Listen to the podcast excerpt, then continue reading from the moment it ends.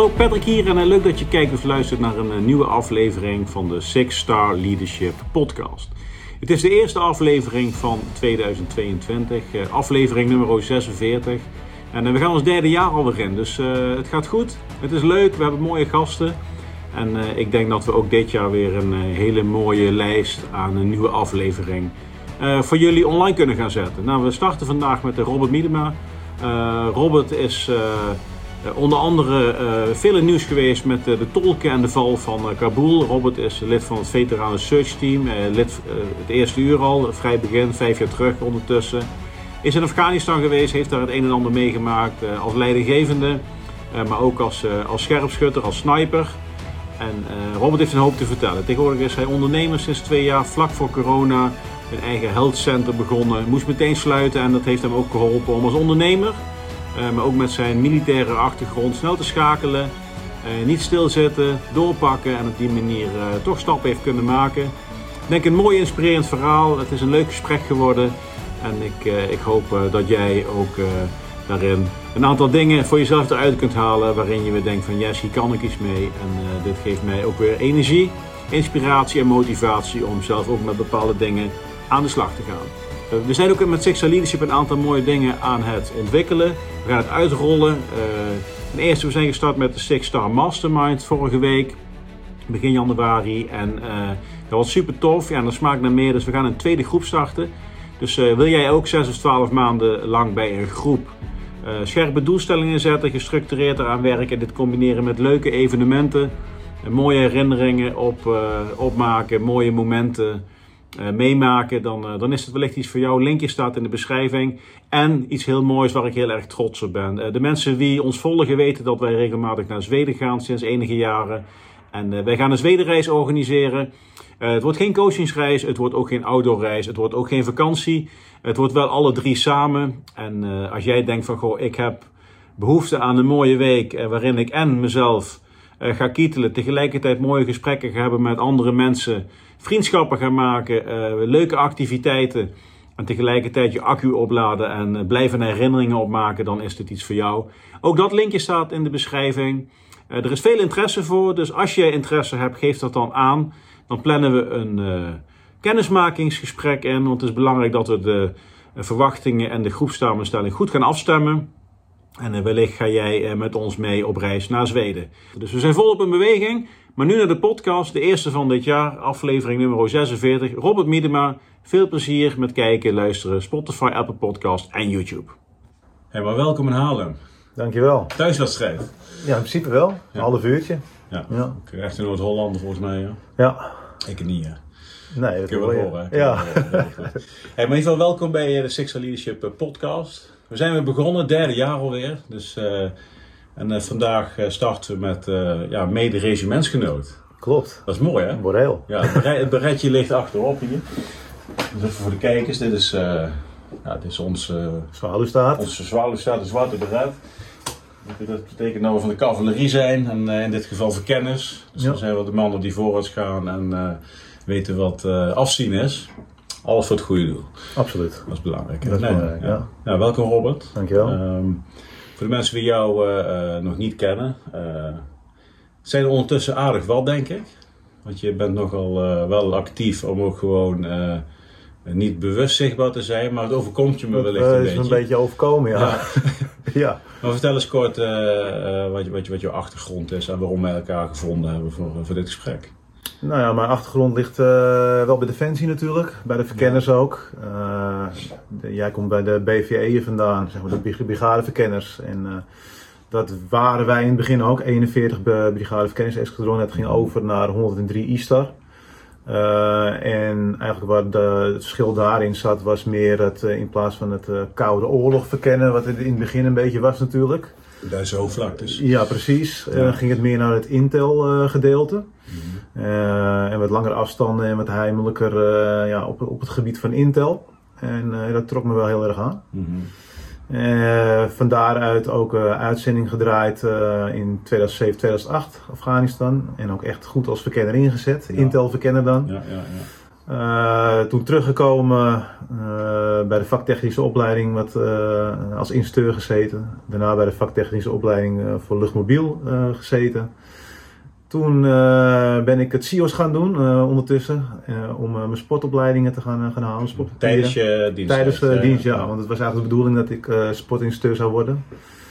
Ehm, Alleen daar werd bezuinigd op dat moment. Hm. Dus ik was klaar met CIO's. En uh, er waren in principe geen plekken meer uh, bij Defensie als sportinstructeur. En toen uh, ben ik eruit gegaan. Heb ik eerst als manager bij een sportschool gewerkt. En daarnaast mijn personal trainingsbedrijf opgezet. En dat is uitgemond in twee jaar geleden een, een eigen pand en een eigen zaak waar, waar ik nu zit in Monnikendam mooi moment om te beginnen. Ja, zeker ja. ja. Nee, maar voor jezelf natuurlijk. Ja, klopt. Dus klopt. net voor, voordat corona losbarst Klopt. Natuurlijk. En daardoor kon maar sport nog, en corona, dat... Uh... Dat werd uh, een beetje, ja, dat werd niet met elkaar gematcht eigenlijk. Ja, ja. We moesten al snel dicht. Dus eigenlijk van de, de, twee jaar dat ik nu open ben, ben ik echt elf maanden niet volledig open geweest eigenlijk. Mm -hmm.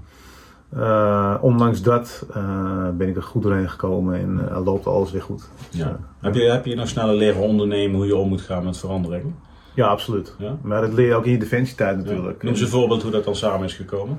Ehm, nou ja, je schakelt wat sneller. Je krijgt iets eventjes voor je voeten gegooid van ja, je bent in februari begonnen en drie weken daarna, je moet dicht, lockdown. Ja, ik heb net een pand gekocht. Ja. De tafel drie weken. Ja, in principe wel. Ja, bij wijze van spreken, ja. uh, en uh, op dat moment denk je van fuck, wat komt er op me af, weet je wel? Mm -hmm. moet, hoe lang moet ik dicht blijven? Uh, hoe ga ik dat betalen? Want ik had natuurlijk al mijn geld erin gesto gestoken om alles nieuw en netjes binnen en alles klopte gewoon. Alleen de bankrekening stond op nul. Mm -hmm. En dan krijg je in één keer horen van je gaat niet open. Je weet ook niet wanneer je weer open gaat. Mm -hmm. Maar ja, aan de andere kant hou je er wel de moed in. Dan ga je toch kijken van wat zijn de mogelijkheden die ik nu nog heb wat ik binnen mijn bedrijf kan doen. Nou, gelukkig heb ik een paar huurders in mijn pand. Die mochten wel verder. De, de fysio, de eerste lockdown niet. Dus dat was een beetje lastig. Uh, dus ik ben meteen gaan bellen met de gemeente.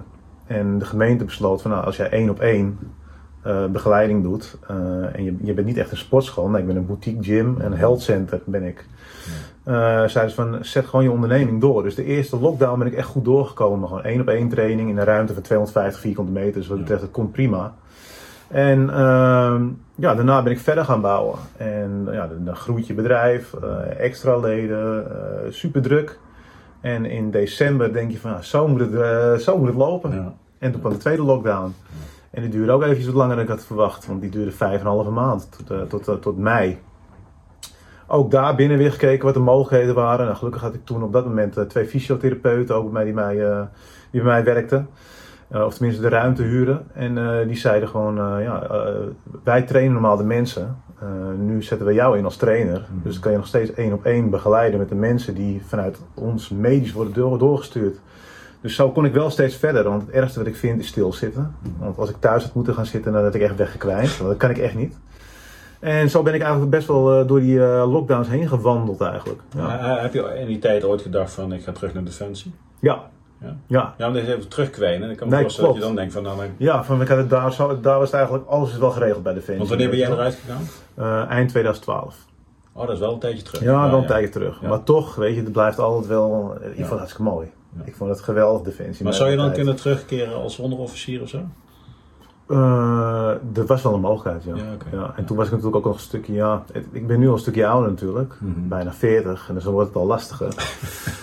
Maar uh, nee, ik zou, ik zou wel terug zijn gegaan. Ja, klopt. Ja, oké. Okay.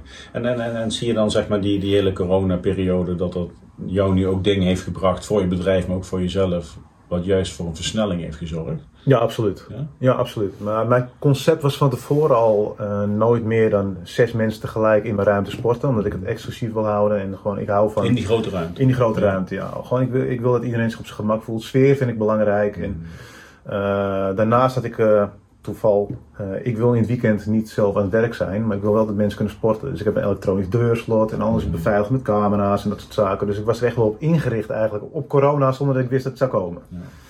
En uh, ja, dat heeft wel echt goed uitgepakt. Dus ja, één, uh, mijn concept klopte gelukkig en daardoor kon ik door. Mhm. En twee, je, ja, je, leert, je, gaat, je gaat er aanpassen. Dus daardoor ben ik niet door gaan groeien. Ik vond op een gegeven moment was het ook goed is goed. Mhm. En als het dan, uh, zoals nu, die, die, die Omicron variant, dat je ziet dat de besmettingen wel oplopen, maar het ziektebeeld minder wordt, komt er misschien meer ruimte om straks door te groeien. Maar in principe, zoals het nu staat, ben ik al helemaal tevreden. Ja. Dus dat is wel fijn, ja. ja je noemt het woord Omicron variant. Ja. Stel je voor dat iemand over 50 jaar dit terugkijkt. Ja. Die zegt, wij, wij heeft wat? Wat is ja. even, even googlen als dat ook verstaat. Wat is nou, er staat er genoeg over, te, genoeg over te vinden volgens mij dan. Jee, wat, ja. waar zijn we in balans? Zeg. Ja, ja, ja. Dan zeggen ze misschien van, Jezus, wij hebben de mensen zich twee jaar lang druk gemaakt en iets wat eigenlijk al in één keer weer voorbij was. Ja, dat kan. Dat kan. Maar ja, aan de andere kant, ik snap het ook wel. Kijk, het, is iets, uh, bij Defensie is het ook al heel veel onzekerheid wordt er ingebouwd. Mm -hmm. En daardoor denk ik ook, mensen zijn heel hard nu tegenover het kabinet en het beleid. Maar ga zelf maar eens hier een beleid voor verzinnen. Mhm. Dat is gewoon niet te doen, want je weet niet waar je toe bent. Ja. Voor hetzelfde geld gooiden ze het open en liep het echt spuigaten uit. En uh, honderden, honderdduizenden doden. Ja, hoe ga je dan verklaren? Mm Hadden we dan maar dicht gegaan, dan kan je ook niet. Ja. En, en, is dan de kracht van Defensie, denk ik wel een heel mooi bruggetje, dat daar, omdat je vanuit onzekerheden werkt, mhm. dat communicatie en leiderschap dan het verschil gaat maken hoe jij... Dat komt meer naar boven, ja. Ja, zeker. Je wordt meer in een positie gedwongen bij Defensie dat je moet acteren. Mhm. Het is niet van we gaan even achterover leunen en we kijken wel even rustig wat we gaan doen. Helemaal als je bij uitzending bent, dan is het helemaal schakelen natuurlijk. Mhm. En elke beslissing moet je afwegen. Kijk, in andere bedrijven is de druk wat minder hoog op uh, bijvoorbeeld uh, het, kunnen verliezen van uh, je kerels daar. Dus elke beslissing die je tijdens je defensieperiode maakt, met name, met name tijdens uitzending, maar ook tijdens oefeningen in vredestijd, ja, baseer je wel op, uh, je weegt een heleboel dingen af. En zo gebeurt het nu ook in, bij mij in het bedrijf. Ik weeg een heleboel dingen af, de, de, de, de, de pro's en de cons, zeg maar. En dat heb ik echt wel geleerd bij Defensie. Ja. ja. En ook het bereiken van de mensen. Het bereiken van de mensen, ja, ook. Ja. ja. Kijk, en ik denk dat er zo, we gaan niet hebben inzoomen op beleid of zo, maar ik denk wat nou wel onderliggend lijden. Ik, ik had natuurlijk straks even over mijn eigen coronabesmetting, dat er onderliggend schijnbaar iets met mijn lever is wat dan naar boven komt. Ja. Niks met corona te maken heeft, maar met mij wel laat zien van hé hey Patrick, S'avonds om 11 uur drie bakken koffie is misschien een minder briljant idee. Niet heel goed. Zet iedereen zijn leermomentje. En waarschijnlijk ook gewoon motorolie, bijna puur. Al die rotzooi. Kijk, maar uh, het is natuurlijk wel zo van, ja, ja, uh, what if scenario's. Ja. Uh, de pros en de cons. Wat als, ja. Daar hoort een bepaald leiderschap en een manier van communicatie bij. Om met de groep, dan wel het volk, dan wel die eenheid. Ja. die klus te klaren. Met alle onzekerheden die er zijn. Ja. maar je moet ze wel voor je zien te winnen. En je moet elkaar, zeg maar zien te winnen, dat we met elkaar het samen gaan doen. Absoluut. En ik denk dat we daar als maatschappij nu wel ja, heel veel lessen uit kunnen halen. Van ja jongens, het is niet allemaal altijd even zeker. Nee. En schijnbaar gebeurt er van alles in de maatschappij als we een stukje onzekerheid erin gooien. Klopt. Nou, daar kunnen we wel. Je ziet wat we geluiden naar buiten komen zodra er iets is waar we geen grip op hebben. Ja, ja. En, en, en er is er geen voorkeur of iemand links, rechts, boven, onder. Nee. Het gebeurt overal. Ja, klopt. Ja, en dat is denk ik wel, uh, wel mooi. Ja. Ja. Eh, als je naar je defensieloopbaan kijkt, zie, zie je daar voor jezelf ook een ontwikkeling in als, eh, als leidinggevende en dan nu de persoon die je in het bedrijf bent? Ja. Absoluut. Ik, uh, ik heb veel voorbeelden gehad tijdens de hele defensieperiode. Het is altijd wel, overal waar je belandt, is er altijd wel iemand waarbij je denkt van wow, ja, dat is een beetje je voorbeeld. Die onthoud je, ja. ja. die onthoud je. Die heeft een heleboel invloed op hoe jij gaat ontwikkelen als zijnde leider of instructeur of uh, onderofficier. Uh, en bij mij is dat ook wel heel mooi geweest. In de beginperiode uh, heb ik, ja, ik was de enige spijkerbroek bijvoorbeeld, mm -hmm. dus de, zeg maar de burger, ja, ja. die uh, de vaktechnische opleiding inging, de VTO. En ik kwam bij allemaal mensen die al paraat hadden gezeten. Nou, bij een van jouw, jouw collega's en vriend Dolf. Uh, en dan merk je dat je. Ik was heel leergierig. Voor de, voor de meesten was het een nummertje, want die moesten. Ja, oké, ik word onderofficier, dus ik moet de VTO doen. Zo werd het ook echt gezegd. Maar voor mij was dat nieuw. Omdat ze anders uh, te lang op hun functie bleven zitten. Precies, ze wilden, gewoon, ze wilden gewoon onderofficier worden. Ja, dan moet je die VTO gaan doen en dan kan je daarna onderofficier uh, verder worden. Maar ik sloeg dat over. Ik had de KMS gedaan ging naar de VTO en zou paraat gaan. Alleen ik was natuurlijk wel super leergierig, want ik wilde alles nog leren. En zij had, voor hun was het eigenlijk al gesneden koek. Ze moesten alleen nog even laten zien tijdens de vaktechnische opleiding. Hun, hun, aanname was dat ze alles wel wisten. Precies. En daardoor misschien niet de dingen zagen. Die nou, niet iedereen had dat hoor, maar dat, zo, was het, zo voelde het wel. Zo was het, zij gingen er makkelijk natuurlijk doorheen. Zij wisten wat er komen ging. Voor mij was op dat moment ook al alles onzeker. Mm -hmm. Voor mij was alles nieuw. Maar ja, ik, ik, ik vond het echt mooi om te doen. En ook al tijdens die vaktechnische opleiding, dan je leert van al die jongens wel wat. En ik denk dat als je eh, onderofficier wordt, of leidinggevende, of instructeur, of eh, noem maar op. En je leert van diverse mensen wat je pakt van iedereen wat weg waarvan jij denkt van daar sta ik achter, dat je daardoor het meest compleet wordt. Is dat niet leven? Ja, dat is het leven, ja. Ja, het zijn gewoon levenslessen van mensen die je overneemt eigenlijk. Ja, Ja. En dat gebeurt de hele dag door misschien wel. Dat klopt. Kijk, en Dat wel klopt. mooi van bij Defensie, dat dan word je natuurlijk met een groep in een kookpot gezet. Ja, En dan moet je het samen gaan doen. Klopt. En dan, want ik heb, ik heb zeg maar, ik heb in 2004 een kort uitstapje gehad naar de burgermaatschappij, naar mijn bedrijf van mijn vader. Ja. Een rijdende broodboutique heeft hij in Groesbeek, doet hij nog steeds. En eh, wij zouden dat samen gaan doen, dat was mijn grote droom. En wij gingen ook heel goed samen op zaterdagochtend, maar we kwamen erachter fulltime.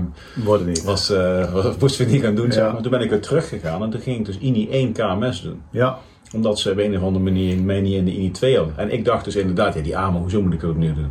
Ik weet dat toch allemaal al. Ja. Gelukkig ging ik na twee weken naar de INI 2. Maar wat jij nu beschrijft, is precies Patrick in die INI 1. ja, Ja, ja, die Leo, wat moet ik ermee? ja, De die snappen het helemaal niet. ja. Maar die stellen waarschijnlijk de vragen die ik niet meer zou stellen, omdat ik al dacht dat ik het wel wist. Ja, precies. Dus, Ja. Ja, dat was dus. En Ja. voor mij was alles nieuw. Dus ik, Ja. ik, ja, ik pakte alles wel aan. Instructeurs op dat moment ook, daar, daar kijk je tegenop. Ik had eh, Mark Hamming bijvoorbeeld een gedeelte van mijn VTO. En Mark is al best wel een, eh, een grote tukker natuurlijk wel. Dus daar keek ik al een beetje tegenop. Maar je zag ook dat hij vakinhoudelijk gewoon mega ver was. Weet je wel. Echt een, een rasmilitair. Dus dat, ja, dat- ik vond het mooi om da- daarmee eh, zeg maar mijn VTO te doorlopen. Daar pakte ik zoveel dingen van op. Mhm. En daarnaast eh, degene met wie ik de VTO's ook draai. Ik ben met mijn luitenant en mijn OPC, die zaten ook in mijn VTO. En mijn OPC, dat ik daarmee op uitzending ging, dat was David Kroesen. Eh, die zat daarvoor al eh, in Defensie, had al behoorlijk wat ervaring natuurlijk. Heeft ook eh, in Bosnië gezeten en toen ging hij naar Afghanistan. En als je, als, ja, ik zat in zijn ploeg, ik was zijn ja, ploegcommandant. En als ik kijk wat ik van hem heb geleerd, ook daar te- ter plekke en zijn doorzettingsvermogen op een heleboel vlakken, ja.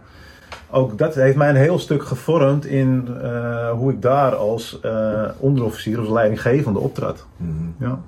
En, en als je kijkt dan naar het, het, het regiment, eh, de- zie je dat daar ook een speciale band is met bepaalde personen, wat daar eh, zeg maar ons gegroeid is, zeg maar? Heb jij een speciale band met het regiment Boreel of is het echt gewoon de mensen waar je mee samen hebt gewerkt? Nee, ook wel met Boreel, maar dat komt ook door de mensen die aan het roer stonden bij Boreel.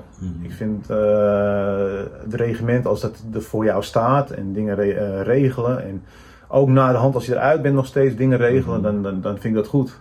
Ja. Maar dat is, dat is maar net wie er op dat moment op, dat, op, het, eh, op het stoeltje zit, vind ik. Ja, maar wat, is voor jou, wat zijn voor jou belangrijke eigenschappen om zeg maar, jezelf tot aangetrokken te voelen?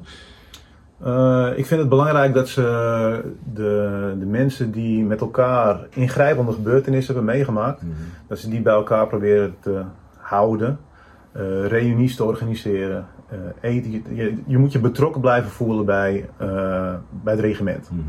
En er zijn periodes dat er een regimentscommandant is die daar heel erg op hamert, maar ook dat het wat minder is. En tijdens de coronapandemie ja, is het natuurlijk wat moeilijker om met elkaar samen te komen.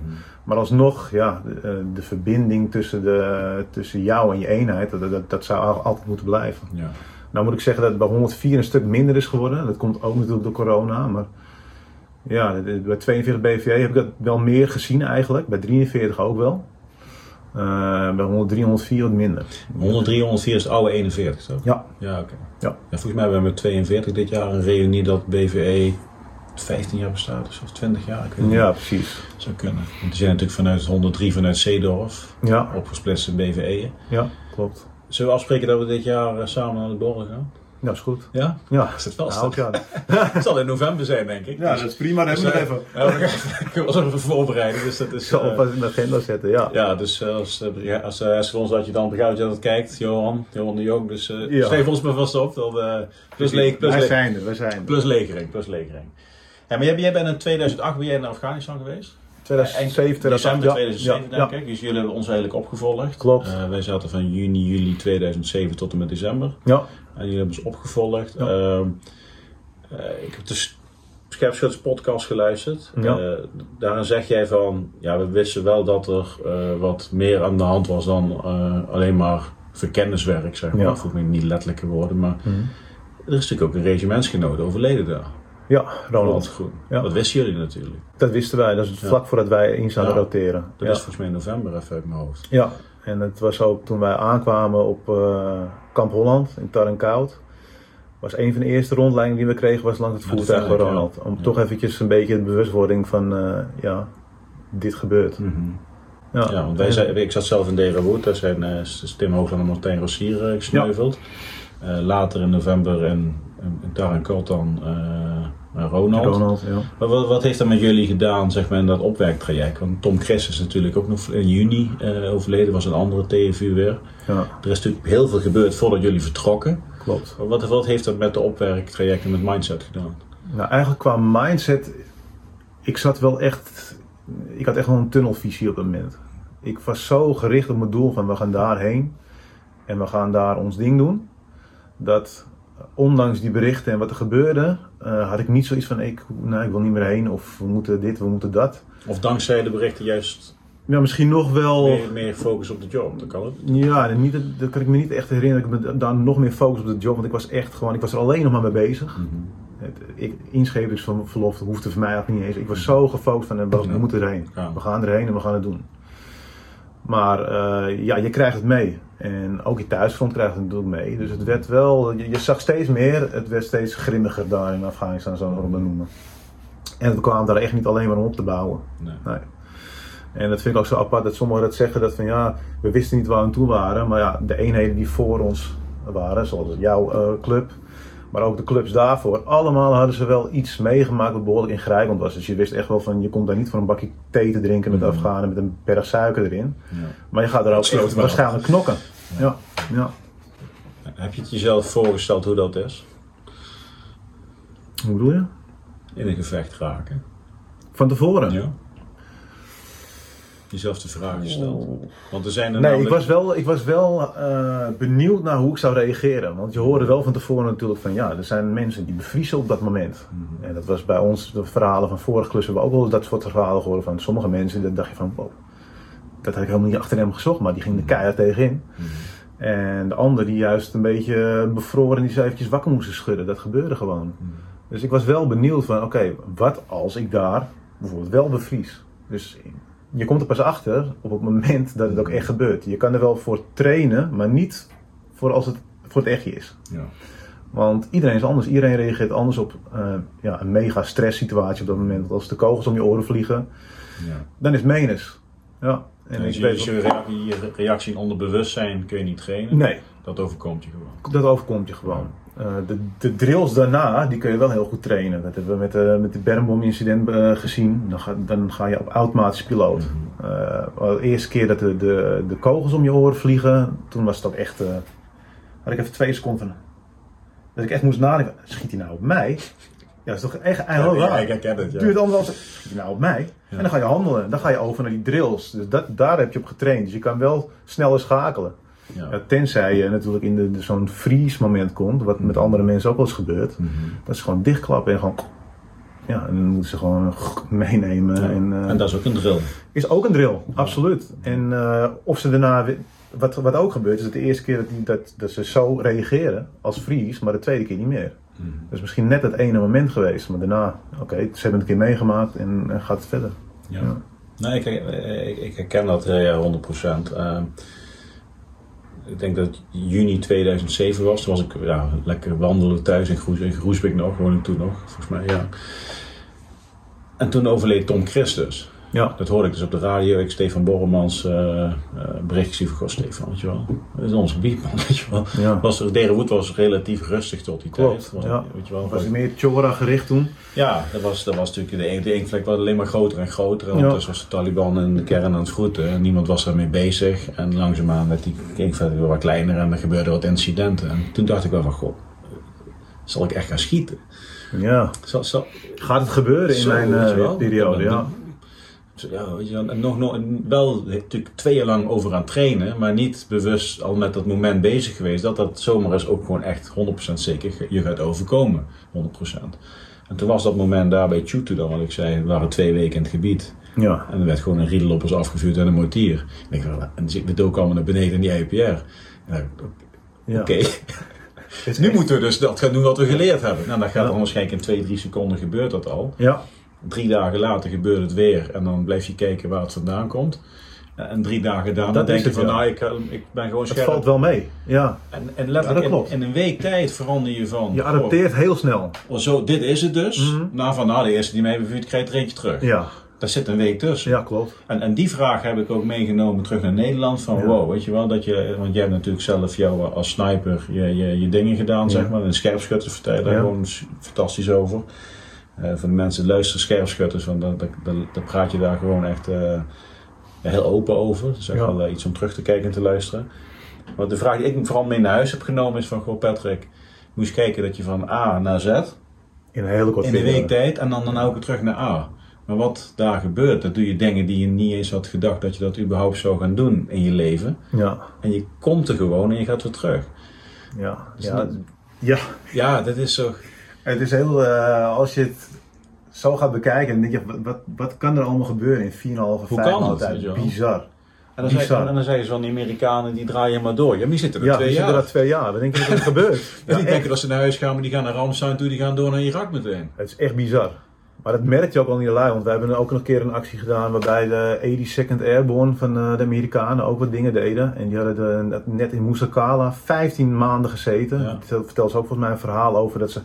Ze gingen heel licht erin, gewoon eh één broekje en licht erin. Ze, ze zouden maar heel eventjes weggaan. En die bleven gewoon twee weken non-stop knokken daar. Ja. En dan weer terug alsof er niks aan de hand is. Is dat de ODA? Was Nee, dat was niet OD. Het was, het was echt een reguliere airborne eh, Ja, eenheid daar ook. Ja. Maar die ODA-lui, daar wist, wist je helemaal niks van. Nee, nee, nee. En die, ja, dat was heel apart, die Ja. gasten. Daar hebben we ook nog wel wat eh, leuke dingen mee ges- van gezien. Ja. ja. Maar ja, maar wat je zegt, hoe snel je van die eerste keer dat het gebeurt, dat je denkt, wow, het gebeurt hier. En dat je daarna, als er een mortier werd geschoten en eh, je hoorde hem over, dat je eigenlijk niet zo druk om maakt, want je denkt van, nou, die komt weer een kilometer achter me neer, weet Ja. je wel. En ik vergeet nooit, de eerste keer dat ik contact had, eh, dat was dan op 12 januari, met die Mhm. twee jongens met eigen vuur tijdens het kapsje as. Dat ik echt dacht van, oké, schiet op mij. En de volgende ochtend, toen keek ik vanuit mijn voertuig, het was gewoon licht. En ik zie zo, en het stort zo naast me neer op de, op de, op de grond in, in die berg. En ik denk, hé, wat is dit nou? En ik kijk nog, komt er nog eentje langs. Ik, en ik snapte niet wat het was. Dus ik zeg, haal die bak erachter. Dus ik over, de, over het net van, ja, ik word die bevuurd. Ik weet mijn god niet met wat. En ik hoor mijn echo voertuig, dat was David, die Ja. stond helemaal op rechts. Ja, ze schieten de RPG's op mijn voertuig, maar ze komen bij jou, de, ze komen bij jou neer. Ja. Oké, ja, dat, dat soort dingetjes weet je wel. Maar hoe je erop gaat reageren ook. En ook als je bijvoorbeeld ergens inreed en de icon, dat in het begin ben je heel spichtig, weet je. Want je hoort ze over de icon zeggen van eh, er komen de, de, de frogs, noemden ze die Fennecs, weet je, door, de, eh, door die koplampen. Ze Ja. eruit als kikkers. Ja.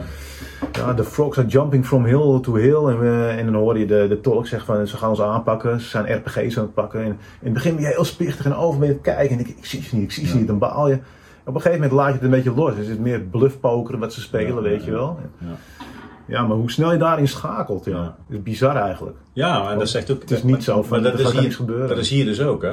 Ja. Dus, dus als jij in een omgeving komt waar plotseling dingen normaal zijn, waar jij misschien gisteren niet normaal vond, dan ga je heel snel, Ja, ook zeg maar met, met, met, met het teamproces en een stukje leiderschap wat we over hebben, ja, weet je wel, waak wel datgene waar je zelf voor staat, want voordat je het weet vlieg je uit de bocht. absoluut. En je hebt het niet in de gaten. Nee, en, la- en later kijk je terug en denk je van, wow, Ja. Was Ja, ik dat? En dan komt het Ja. besef ook eigenlijk later, hè. het besef, ja. Want dat was ook eigenlijk die. Ik ervaar die hele periode Afghanistan als één grote bonk adrenaline. Mhm. Was ook niet, nooit moe. Nee. Ik sliep ook eigenlijk na, na- nagenoeg niet. Eh, helemaal. De koffie. ja, koffie. Ja. Heel veel koffie. nee, maar, Maar je staat aan, je staat continu aan. Ja, je staat continu aan. En ook s'nachts, ja, ik moet nu, nu nog steeds hoor, ik hoef de wekker niet te zetten, ik ben altijd voor de wekker wakker. Maar als je daar, eh, nee, meestal was het twee uurtjes slapen, maximaal. En dan moest je weer eh wacht draaien. Want wij waren maar met, met een module, we waren met vier voertuigen. Mhm. Meestal waren onze ploegen waren gesplitst. Dus het was met twee voertuigen, zes man. Waarvan het ene voertuig daar stond en ons voertuig hier in het midden, met z'n drieën. Ja, dan moet je een wachtschema gaan maken. Nou ja, ligt aan de hand van de, de vijandreiging was het ook echt zo. In het begin gingen we er vanuit twee man wakker, één man snurken. Ja, dat is leuk, totdat je 14 dagen op een plek staat. Dan is het gewoon niet meer vol te houden. Ja, maar dan moet je dus wel gaan vertrouwen op die ene man die van jouw ploeg wakker kan blijven. Want voor hetzelfde geld valt hij in slaap. Dus dan zit je met z'n drieën daar ook, in the middle of nowhere. Ja, er kan van alles gebeuren. Maar ja, als je ziet... Dus hoe, Jullie deden op een gegeven moment één man, eh, Ja, we af, en toe, ja, af en toe moest het wel. We konden gewoon niet meer. En had ik mazzel dat ik zo licht sliep dat eh, als iets was en ik hoorde alles eigenlijk. Dus het was eigenlijk een beetje, eh, je was een, ja, een soort van waakslaapje noem ik het nog steeds maar. Maar ja, op een gegeven moment moest je dat wel een beetje loslaten. Ja. Anders kon je gewoon niet verder. Nee. Het was gewoon niet meer te doen. Nee. Nee. Nee. Ja, dat was eh, heftige, heftige nachtjes waren dat wel. Ja, Ja. maar die icon dat is wel. eh, wij, wij hebben ook met de ODA even heel kort samengewerkt. En die gingen toen naar, eh, naar Tim Hoogland, volgens mij gingen die bij onze Greenzone schoonvegen. Ja. Die, die gingen dus echt schoonvegen, zeg maar. ja, zoals de Amerikanen over het algemeen wel deden. Ja. Ja, en, en die hadden dus een hele grote Amerikaanse vlag op een van hun hummers. En toen hebben wij dat zeg maar op onze IPR, eh zeg, ik heb een vlag liggen, ik ga, dat gaan wij ook doen. ja. En op dat moment was het dus eh, de icon van de, de Taliban. Ja, Ja. De, de tank met de vlag rijdt de poort eruit. Ja, precies. Weet je Ja, ja. En in het begin denk je van, oh, ze zien ons en dan denk je, ja, dat zijn wij. Ja, Dat zijn wij, weet je wel. Ja, dat heb ik, eh, nou, je weet de Fennec. En wij kregen op een gegeven moment, eh, de Fennecs hadden geen camouflagepakket. En wij kregen een testpakket. En het was net een reptielenhuid eroverheen. En, eh, De snake is leaving the gate. Nee, ik, ja, dat was wel, nee, dat was het nou, eh, Little Beast Ja. noemden ze dat. Ja, ja, ja. Dus op een gegeven moment was ik, eh, ik was ook toen het enige voertuig wat naar voren reed. En dan waren, mijn Echo was uitgestegen, die was met de, te voet met een clubje vooruit aan het lopen. Want we konden daar niet zo makkelijk komen. Dat is best wel flink boven in Chora. Nog veel verder, verder noordelijker, dus er was eigenlijk nog nooit iemand geweest. Die ging uitgestegen richting het dorp en ik ging voor de zekerheid met het voertuig een beetje achter hen aan zo. Maar ja, die, die, die zien in één keer een een of ander wazig ding met, met echt een reptielenhuid. Want het was ook echt van dit bobbeltjespul Ja. en een speciaal pakket eh, vanuit Duitsland. En, eh, en toen kwam er over de icon dus van, eh, ja, Little Beast is ja, echt bizar. Hoe die Ja. gasten het interpreteren en hoe de- ook dan die tolk het vertaalt. Dat is geweldig. Ja. Ja, dat was wel leuk om te zien. Ja. Tolken. Tolken, ja. Dat is ook een onderwerp, hè? ja. Zeker een onderwerp. Ja, helemaal achteraf is het een heel onderwerp geworden, ja. ja. Ja, ik heb er hier ook eentje aan. Mijn eh oude aparte band mee. Absoluut. Met tolken. Kun je Absoluut. er eens meer over vertellen? Ja, nou, eh, wij kregen halverwege, hadden t- eigenlijk hebben we met twee tolken echt veel samengewerkt. Dat was uh, Omari, heette er eentje, dat was meer op Dirrewood. En op een gegeven moment kregen wij eh, Alam. En Alam die had eerst bij de Amerikaanse SF was hij tolk geweest. Daarna bij het KST was dat eigenlijk een beetje een vaste tolk. Had ook echt zijn eigen wapen mee, zijn eigen pakketje, zijn uitrusting. Was echt een knoktolk. En eh, die kregen wij dus mee. En die, had, ja, die, die, die was super gemotiveerd. En die kwam bij mijn, eh, bij mijn ploeg, dat is de Echo. En daar zat hij bij op de bak. Dus we waren eigenlijk een mannetje extra. En eh, ja, daar hebben we veel, heel veel dingen mee meegemaakt met die tolk. En dat werd ook echt een vriend van ons. Want eh, hij zei, ja, de Amerikanen werd je echt behandeld als tolk. Bij KST, bij de Nederlanders vond hij het al beter. Hij had ook de Australiërs heel even gezeten. Mhm. Maar hij vond gewoon de manier waardoor, waardoor hij eh, werd behandeld eh, door de Nederlanders. Plus hoe wij eh, ons optreden daar deden. Ja, dat, dat vond hij veel beter en voelde zich meer op zijn gemak. Dus dat werd echt wel een, ja, een, een van ons team. Mhm. En aan het eind van de uitzending reden we op een bermbom met andere Ronald, Ronald van Dort. Ja. Die zijn benen kwijtraakte erbij. En dat was voor onze tolk, die al zoveel had meegemaakt met al die andere eenheden ook al, was dat een beetje zeg maar, de druppel van. eh, Nou, hij zag Ronald ook echt als zijn vriend. Een hele brief geschreven en dingen. En, ja, en, dat knakte hem zo af op dat moment dat hij zei: van, Ik wil eigenlijk de poort niet meer uit. En toen heeft Dennis van der Kraats, eh, de, oprichter van nu uh, Veteranen Team, die, eh, die kwam ja, drie of vier weken voordat wij eruit gingen, kwam hij in het gebied nam hij ook een stukje over in de ops, want wij, uh, wij hadden geen overhead. Ik weet niet of jullie daarmee werkten met een overhead. Iemand die van jullie in de ops zat om te adviseren. Ja. Uh, hadden wij dan wel met twee ploegen en er was er altijd één iemand mee en die zou dan op het kamp blijven bij de ops om te vertellen van en, en advies uh, te geven over hoe wij kunnen optreden, wat we kunnen doen en mm. ja, wat wij nou eigenlijk aan het doen zijn. Want wij werden natuurlijk aangestuurd door ja. uh, commandanten van heel andere eenheden. Mm. Um, en Dennis heeft toen ervoor gezorgd dat hij een, een baan kreeg op, uh, op het kamp, kamp Holland, als uh, tolkenmanager. Ja. Is, is hij ook nu in Nederland? Ja, hij is, hij is in Nederland. En het uh, bizarre is dat ik uh, vorig jaar maart. Is het vorig jaar maart? Ja. Toen in één keer uh, Ronald van Dort werd benaderd door hem via Messenger, Facebook. Mm -hmm. En had in één keer ziet hij alarm op zijn scherm. nou, kort daarna heb ik hem dan ook gesproken. nou, ik was daar zo van, wow, wat is hier gebeurd? En hij had ook met Dennis samengewerkt, Dennis van der Kraats. En die belde mij op van, uh, wat zullen we doen? Ik zei, nou, ik, ik kan niet meer functioneren, ik moet erheen. Want hij zat dus in een AZC in uh, Overloon. Mhm. Nou, de volgende dag zijn we heen gegaan. En dan zie je in één keer eh, iemand die eh, elf jaar geleden het laatst heeft gezien. Die zie je daar. En eigenlijk niks veranderd zoals hij is, weet je wel. Ja, en dan hoor je zijn verhaal dat hij ja, op werd gejaagd door de Taliban.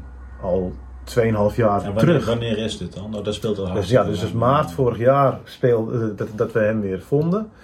Eh, maar hij was al twee jaar op de vlucht. Mhm. Dus het, ja, er wordt wel geroepen van we wisten niet dat de tolken werd, nou, die werden dus behoorlijk opgejaagd en dat wisten we echt wel. Mhm. Klaar. Ja, dus maar dat hij, eh, zeg maar, Ronald van Dort contact, dat, is waarschijnlijk een noodgreep geweest ook. Ja, dat, dat kwam door Roy Grinwis, die natuurlijk met die Ja. tolken heel veel bezig is. Eh, en hij had gevraagd aan Roy, eh, do you know Ronald who lost his legs? Roy is trouwens de volgende podcastgast. Oh, dat is leuk. Grappig. Ja. Doe hem even de groeten van mij. Ja, ja. Zit, de stoel, eh, zit de stoel goed? Ja, ik zal eventjes een beetje inzetten. Geen voor- scheetjes laten. Nee, nee, nee, nee, nee, straks. nee, maar Roy die had dus gezegd, ja, die ken ik wel. Dat is die die. Want volgens mij heeft Roy nog met Ronald van Dort in de AMO gezeten. Mhm. Nou, dus die had die link. Gewoon allebei gewond geraakt. Ja, bizar hè? Ja. Ja. Ja, en toen kwamen we dus eh, onze eh, tolk weer tegen. En toen hoorde het verhaal hoe die is gevlucht. En eh, via welke wegen allemaal, wat hij heeft meegemaakt. Ja, en kort daarna begon dus die, dat Kabul begon te vallen. Mhm. En dat ze daarvan zeggen, ja, dat zagen we ook niet aankomen dat het zo snel ging. Dacht ik bij mezelf, nou jij hebt het ook wel gezien. In maart kregen wij waarschijnlijk al de filmpjes van Roy ook te zien. Ja. Dat Derenwood viel. Ja, dus ja. dat was natuurlijk een kwestie van tijd. Er was toen nog die ISAF-groep en heeft hij later eh, trots op uh, groep. eh, Precies, ja. dus we wisten echt wel dat het eraan zat te komen. Ja, en ineens eh, ja, krijg je eh, het tot, de tolkenkwestie. Ja. Van die gasten moesten terug. Ja. Ja. Today is het trouwens, denk ik. Dat today? Ja, Ja, ja, klopt, klopt. Ja, het is trots op trotse veteraan en. Hij heeft zoveel groepen, die Roy. Ja, precies. Ja. Maar op Orenskant Today zag ik toen die film dat ze zo, met, met die pick-up truck zo ja. eh Derenwoed inreden. Ja, maar dat, dat, zag ik toen. Ja. Ja. Dus we wisten het ergens wel natuurlijk. Alleen eh, ja, dat die tolken daar eh, zo opgejaagd werden, daar werd toen nog niet zoveel mee gedaan. Mhm. Ja. En hoe, hoe ben je uiteindelijk bij op 1 terechtgekomen? Nou, bij op één ben ik niet geweest. Ik, eh, bij Jinek of zo? nee, ja, bij Jinek en Umberto. Ja. Dat kwam eigenlijk doordat ik eh, naar de NOS moest. Tenminste, moest. Eh, ik werd gebeld door Mariska, de vrouw van, van Dennis. Mhm. En Dennis was op dat moment grieperig, dus die kon niet naar de NOS om een, een interview te geven over de val van Kabul. Mhm. En ik had de dag ervoor ook al iemand horen praten over de val van Afghanistan, maar dat ging meer een beetje in de lijn van ja, we zijn daarvoor niets geweest. En toen dacht ik zo, "Mwah, dan- daar ben ik het niet mee eens. Nee. Daar ben ik het echt niet mee eens. Hoe, zie je, dat- hoe zie je dat? Ik ga direct Nou. naar de NOS, maar... Ja, nee, ik, ik, ik, ik zie het als, wij hebben daar zeker verandering gebracht. Al is het niet op heel grote schaal, maar wel op kleine schaal. We hebben daar mensen echt wel vrijheid laten ervaren en die hebben er echt wel wat mee gedaan. Ik bedoel, eh, toen Derenwood, eh zeg maar die grote acties waren geweest eh, en de Taliban was verdreven, kwamen de kinderen naar buiten, eh, er werd gespeeld, het was daar relatief rustig. Die mensen hebben daarna echt gewoon drie jaar lang echt relatieve rust ondervonden. En dat is op meerdere gebieden geweest natuurlijk daar al. Totdat iedereen wegging en dan weer de sterkste partij op dat moment de Taliban terugkomt. Ja, en dan valt het onder hun bewind. Maar op het moment dat wij daar zaten, hebben wij daar echt wel voor relatieve rust verzorgd. Ja. Wij hebben daar echt wel eh, ons ding gedaan. Ja. Samen met eh, Australiërs en eh, andere eenheden natuurlijk. Het is eigenlijk zo, als je halverwege de voetbalwedstrijd van het veld afstapt, is de kans groot dat je verliest. Precies. Nou, dat dus. Dat is dat dus, dus. Maar het is dus niet allemaal voor niets geweest. Nee, Nee. absoluut niet. Nee. En als je kijkt ook naar dat nu vrouwen toch wel meer onderwijs hebben. Dat de, de levensverwachting van de gemiddelde Afghaan toch wel gestegen is, want die werden niet zo oud. Nee. Er zijn wel dingen veranderd. En niet zoals we het allemaal voor ogen hadden, natuurlijk. Maar er zijn Ja, maar hoe hadden we het voor ogen? Want, want als we de, Ja, nou wij hadden het niet zo echt voor ogen. Hadden het, eh, de Amerikanen hadden het nu natuurlijk echt voor ogen van wij gaan daar eventjes eh, wat westers van maken. Nou, nou, dat zie ik ook niet echt gebeuren. Nee, nee, nee. Maar ik ging er ook echt heen van, die mensen werden daar onderdrukt en het Taliban-regime was daar behoorlijk ja, middeleeuws, laat ik het zo Mhm, zeggen. ja. En als je daar al iets aan kan doen en iets aan kan veranderen, nou, dan, dan heb je gewoon echt wel je ding daar kunnen doen. Ja. En als je dan nu ziet hoe de Taliban, ja, ze zeggen dat ze gematigd zijn. Voorlopig zijn ze ook wel meer gematigd dan dat wij daar zaten. In het begin natuurlijk. Maar het is nog steeds met geen pen te beschrijven wat daar nee, je weet niet wat er gebeurt. En dat is zo mo- moeilijk. Ik denk ook niet dat, dat je nu kan zeggen van, eh, ja, nou, dit is daadwerkelijk veranderd of, of niet. Dat, dat, dat zal de tijd uitwijzen. Ja. Ja. Ik zeg zelf altijd van even los van Afghanistan. wat wij als jonge mensen daar hebben mogen ervaren, als we daar al een stukje van teruggeven aan de wereld, ja. dan is het dan niet voor niks geweest. Nee, dat klopt. Wel? En, en uh, kijk, ik vind het zelf wel heel lastig van, ja, ik ben daar echt heen gegaan als militair in de opdracht. Ja. Alleen als je er eenmaal bent, ja, je, wel gewoon, het zijn wel, je ervaart dat het allemaal gewoon mensen zijn. In Nederland praat je over locals. Locals, ja. Maar het, zijn gewoon, het is gewoon een moeder met twee kinderen, die gewoon daar een hartstikke leuk leven heeft. En wij denken alleen maar aan boerenkas, weet je wel. Dus er is veel meer sociaal, maatschappelijk te beleven daar. Ja. Dan, dan, dan dat de meeste mensen die er niet zijn geweest uh, denken. Klopt. Uh, maar tegelijkertijd, het is wel heel complex om daar te denken dat je in een hele korte termijn daar zo'n verschil kunt maken. Absoluut niet. Absoluut kansloos, niet. Het was natuurlijk een op voorhand kansloze missie. Ja. En, als je op deze manier je keutel terugtrekt, dan weet je eigenlijk ook vooraf, dit is het gevolg. Ja. ja. En, en we zijn allemaal in ieder geval verbaasd dat het allemaal zo is gegaan dan heel veel mensen, weet je wel. Ja, nou ja, kijk, verbaasd ben je natuurlijk niet, want je weet gewoon, zodra die Amerikanen zeggen van we gaan naar weg, dat is de mensen die, dat, dat, dat is de, het land wat natuurlijk het meeste invloed daar kan uitoefenen. Ja. ja, dat is een kwestie van tijd. En dan heb je er als NAVO ook echt helemaal niks meer te zoeken. Ja, zou je, zou je terug willen? Ja, in mijn hart zou ik terug willen gewoon om mijn ding daar te doen, kijken of het beter kan worden. Hmm. Maar ik weet, ik ben echt wel zo realistisch van, je kan daar helemaal niks mee veranderen. Helemaal niet als klein uh, NAVO-landje zoals Nederland. Dat, dat bestaat gewoon niet. Nee, nee. Maar goed, je kwam uiteindelijk bij de talkshow. Ja, nou, ik kwam uh, bij de NOS en toen dacht ik eerst nog dat het over een radioprogramma ging. Ja. Ik dacht, NOS, radio. Met je haren niet netjes. Nee, nou ja, nou, helemaal niet. Want ik kwam aan, ze zeiden van, ja, zou je naar Hilversum kunnen komen? ja, dat is prima. Dus ik op de motor, helmpje op, motorbroek aan en ik kwam eraan. Ja, dan gaan we hier zitten en ik kom zo'n stoel, camera's erbij. Ik sta dan in mijn motorbroek zo, mijn helm naast me. Oké. Okay. Nemen jullie de radioprogramma's altijd op? Ja, en toen uh, naast me was het, uh, het NOS Jeugdjournaal. En een uh, meid van, neem volgende keer je dochter mee. Ja. En, dat is ook hè, leuk. Ja. Nou, toen ging ik daar, ja, daar zitten en dan werd het eigenlijk gewoon, ja, ik denk dat we twaalf minuten gesproken hebben. Mm. En dat is toen, toen zeiden ja, ik ga proberen om het ik vind het echt zo'n belangrijk item. Ik ga proberen om het eh, in het nieuws te krijgen. Of dat er in ieder geval even aandacht aan wordt gegeven. Ja, ik zal, het zal wel. En toen in één keer, uh, s'avonds uh, om het, op het 8 uur journaal, toen kreeg ik eigenlijk allemaal berichtjes binnen van, hé, hey, je bent op het journaal! Ik denk, ja, oké, okay, zondagavond, 8 uur journaal. Ik wist niet eens dat er zoveel kijkers waren, maar het schijnt dus echt een hele goed bekeken uitzending te zijn op zondagavond. Nou, toen de dag daarna werd ik gebeld door iemand van het programma van Humberto. En toen was ze eigenlijk al die week. Ik dacht dat je ging zeggen of je jurylid bij de Voice of Holland wilde worden. Maar dan... Nou, pas ik op dit moment zeker voor. Oké, okay, maar Umberto belde, ja. Ja, dus ja. Uh, ja iemand van Umberto uh, belde en die zei van, uh, zou je bij ons willen komen zitten om de kwestie van, van de val van Kabul en het verhaal met de tolken nu en dit en dat. Ik zei, ja. Aan de ene kant uh, bloedzenuwachtig. Ik denk, ja, het is allemaal live. En, uh, ik vond dat bij de NOS al een dingetje.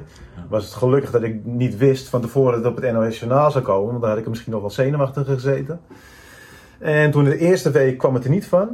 En toen die week erop, toen was er ook iets met... Nou, toen, toen was het echt, de overname ging zo snel. Mhm. En het verhaal van tolken en mensen die niet terug konden komen, dat, dat, dat liep natuurlijk ook als... Het was, was hot, hot topic. Dus zei ze, kan je langskomen? Ik zei, nou, ik, uh, ja, is goed, ik kom wel. En toen zat ik bij Umberto aan tafel. En het was uh, tien uur s'avonds door de week. Dan lig je normaal lang al te slapen. En dan moet je in één keer scherp zijn, want ja, je weet niet welke vraag je gaat krijgen. En toen was het mooiste was dat uh, Dennis van der Kraats belde me die middag. Met het verhaal dat uh, pas toen Bob, die zijn winkeltje had op uh, TK. Nou, dus ook problemen had om terug te komen. Die vier jaar lang volgens mij een winkel heb gehad daar al. En dan wordt er gezegd van, nee, jij mag niet naar Nederland. Terwijl die eigenlijk, als er iemand met Nederlanders heeft, ja. dus die was gewoon daar niet veilig. En ja, ik zat dan met Kati Piri van de Tweede Kamer. En uh, ik vertelde dat verhaal over uh, Pastoon Bob en, het, en de probleem was tegenaan liep. Ja, Oké, nou, okay, na, de, na de uitzending, uh, geef me de gegevens, stuur zoveel mogelijk door van hen, dan ga ik mijn best doen. Ik vind gewoon, en, en ook van anderen, als jij mensen daar hebt die jou gaan benaderen, geef het door en uh, ik zorg dat mijn assistent met jou uh, mailcontact houdt. En uh, op die manier kunnen we misschien kijken of we die tolken hierheen kunnen krijgen.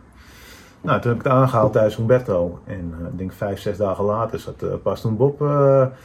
die zat in Nederland. Ja, en een, een aantal weken daarna heb ik hem ontmoet in Harskamp. Ja. Dus met zijn met kindertjes en zijn vrouw. En ja, ja dat, dat, dat, is wel heel bizar. En dan zie je wat de kracht van de media eigenlijk is. Want ik zat daar bloedzenuwachtig natuurlijk. Ik denk, ja, wat moet ik hier nou zeggen, jongen? Ik denk, wat, wat voor vragen gaan ze op me afvuren?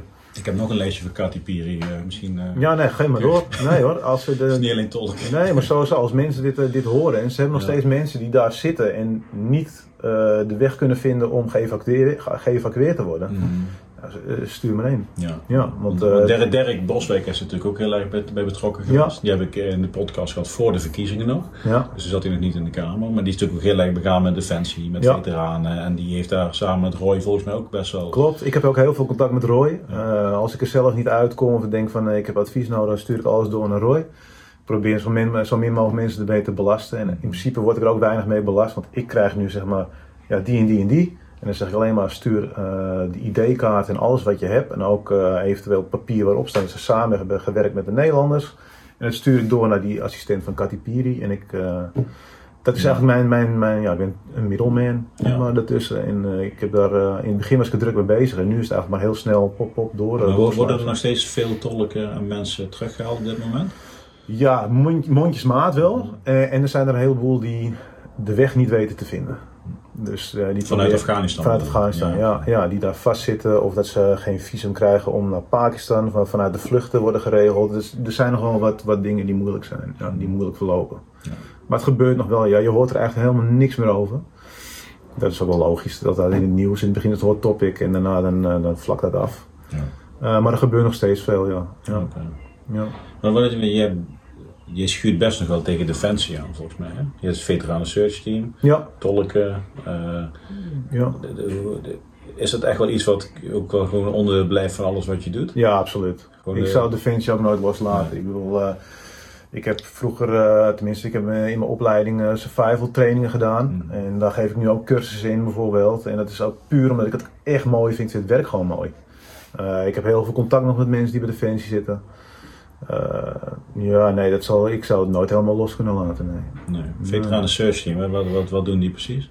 Eh, die zoeken eigenlijk naar vermiste personen. eh, onder leiding van de politie. Dus de politie die legt bij ons de aanvraag neer van nou, deze vermissing loopt nu. Kunnen jullie ons assisteren? En dat is eigenlijk sinds de, de vermissing van Anne Faber is dat opgericht. En ja, dat is zo enorm gegroeid. Dus hoe groot is die club nu? Meer dan 2000 vrijwilligers. En allemaal ex-militairen? Veteranen, nou, laten we zeggen 80% echt wel ex-militair. En dan hebben we nog eh, oud ambulancepersoneel, oud brandweerpersoneel, oud politiepersoneel. Ja. Dus iedereen wel met een geuniformeerd beroep, laat ik het zo zeggen.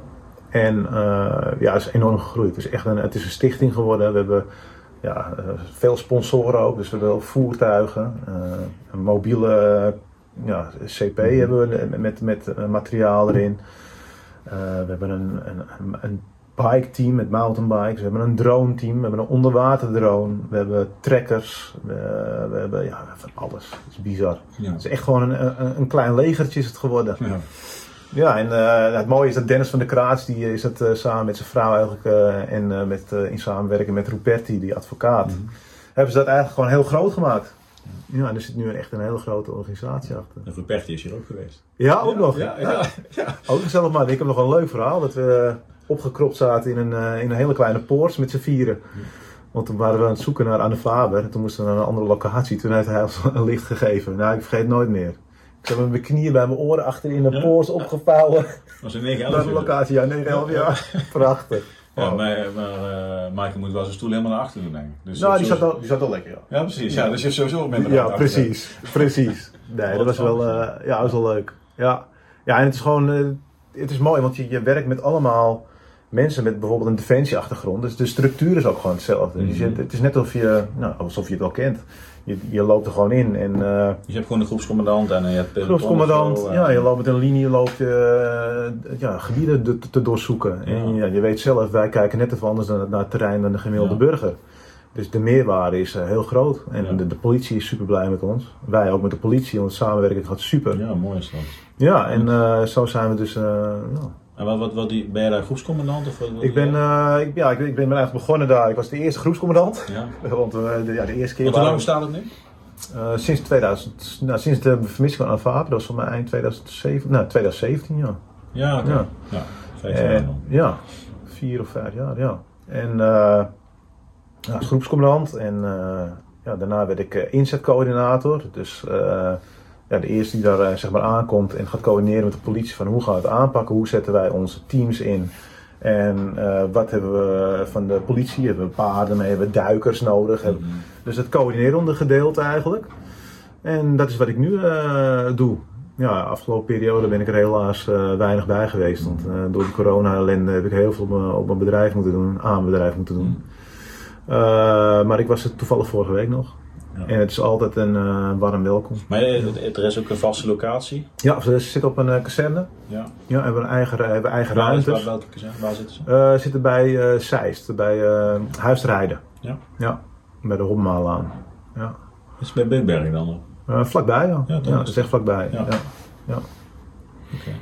Mooi, ja, het is gewoon een, ja, het is een- net een onderdeel van het leger is het eigenlijk. Moet Dennis Alleen een keer dat meer over komen vertellen. Ja, dat is wel een goeie. Dat is wel een mooie, mooie aandacht. Ja, absoluut. Want wij, wij hebben ook gewoon best wel, we, we zitten heel veel kijkers, luisteraars ook vanuit veel ook eh, Ja, Defensie, die kunnen veel- aansluiten. Ja, Ook heel veel vanuit bedrijfsleven wie er geïnteresseerd zijn. Ja. Misschien is er wel, eh, wel sponsoring, weet ik veel wat. absoluut, absoluut. Dus, eh, Ja, dus, en het werkt gewoon twee hele mooie kanten op. Eén, die- een heleboel veteranen die thuis ook op de bank zaten, zo van doelloos. Ik bedoel, dat voelde ik heel erg namelijk toen ik Defensie uitging. En je gaat bij een bedrijf, nou, een bedrijf werken of je wordt manager in een sportschool. Je, het is niet dat je niet belangrijk bent, maar je voelt je niet meer alsof je iets doet voor de rest. Snap je wat ik Mhm. bedoel? Ik had het een beetje het gevoel dat ik, ja, ik, ik doe wel eh, zinvol werk, maar niet zo zinvol als ik dit deed toen Ja. bij Defensie.